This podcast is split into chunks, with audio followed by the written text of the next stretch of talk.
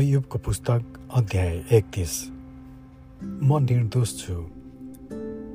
कुनै स्त्रीलाई कुदृष्टिले नहेर्ने मैले मेरा आँखासित बाछा बाँधे। मानिसको निम्ति परमेश्वरले स्वर्गबाट ठहराउनु भएको भाग कुन चाहिँ हो? उँभोबाट शक्तिमानले दिनुभएको सम्पत्ति। के दुराचारीको लागि नाश खराबी गर्नेहरूको लागि विपत्ति होइन र के परमेश्वर आफैले मेरा चाल देख्नुहुन्न र? र मेरो हरेक पाइला गर्नुहुन्न र?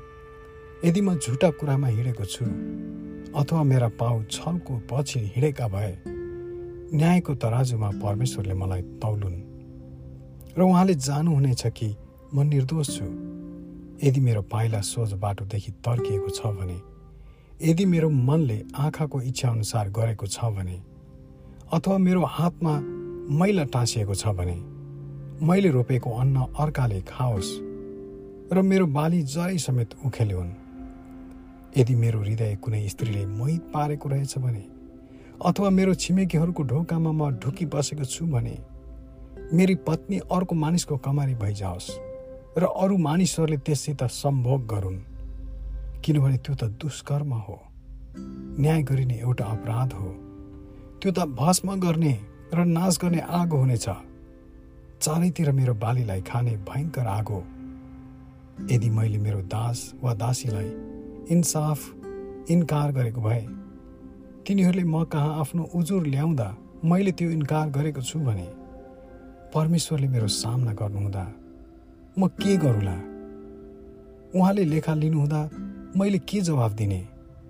गर्वमा मलाई रच्नुहुनेले तिनीहरूलाई पनि रच्नु भएको होइन र के एउटै परमेश्वरले हामीलाई गर्वमा सृष्टि गर्नुभएको होइन र यदि गरिबहरूलाई तिनीहरूले चाहेका कुरा इन्कार गरेको छु भने अथवा विधवाको आँखा आँसुले धमिल्याइदिएको छु भने यदि मैले मेरो घाँस एक्लै खाएको छु भने र टुहुरा टुहुरीसित त्यो बाँडेको छैन भने तर मैले त टुहुरो केटालाई त्यसको बुवाले जस्तै पालन पोषण गरेँ र मैले आफू जन्मेको दिनदेखि नै विधवालाई डोर्याएँ।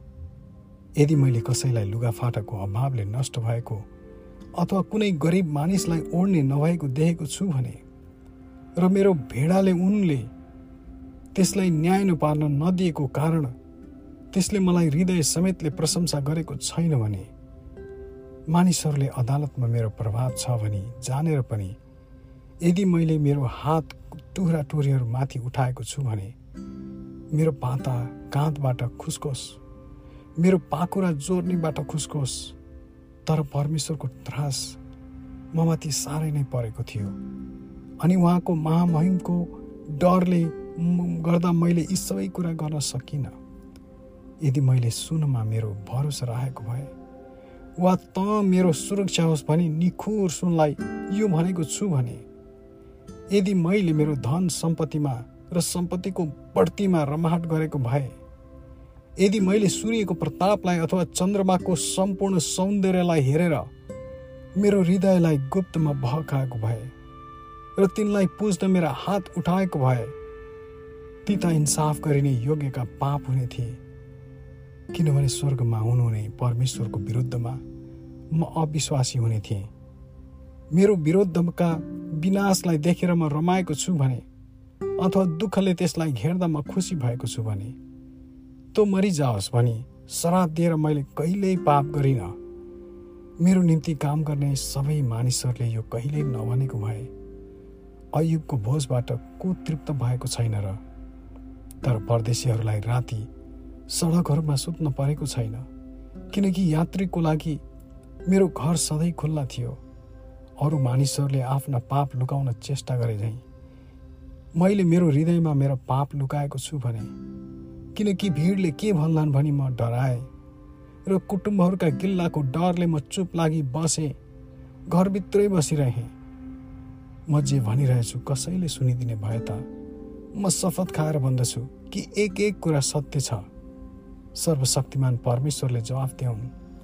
मेरा विरोधीहरूले मेरो विरुद्धमा ल्याएका दोषहरू लेखिदेऊन् म ती मेरो गलामा पहिरिने थिएँ मुकुट चाहिँ पहिरिने थिएँ। मैले गरेका सबै काम म उनलाई बताउने थिएँ। म उनको सामु राजकुमार चाहिँ जाने थिएँ। यदि मेरो खेत मेरो विरुद्ध कराएको भए र त्यसका ड्याङहरूमा आँसुले भिजेको भए उमार्नेहरूलाई भोकै खवे राखेर मैले राख खाखेको भए किसानहरूका आत्मा रुवाएको भए जौको सट्टामा झार र गहुँको सट्टामा लौ ढुकेका काँडा उम्रोन। यो अयुबको वक्तव्यको समाप्त भयो आमेन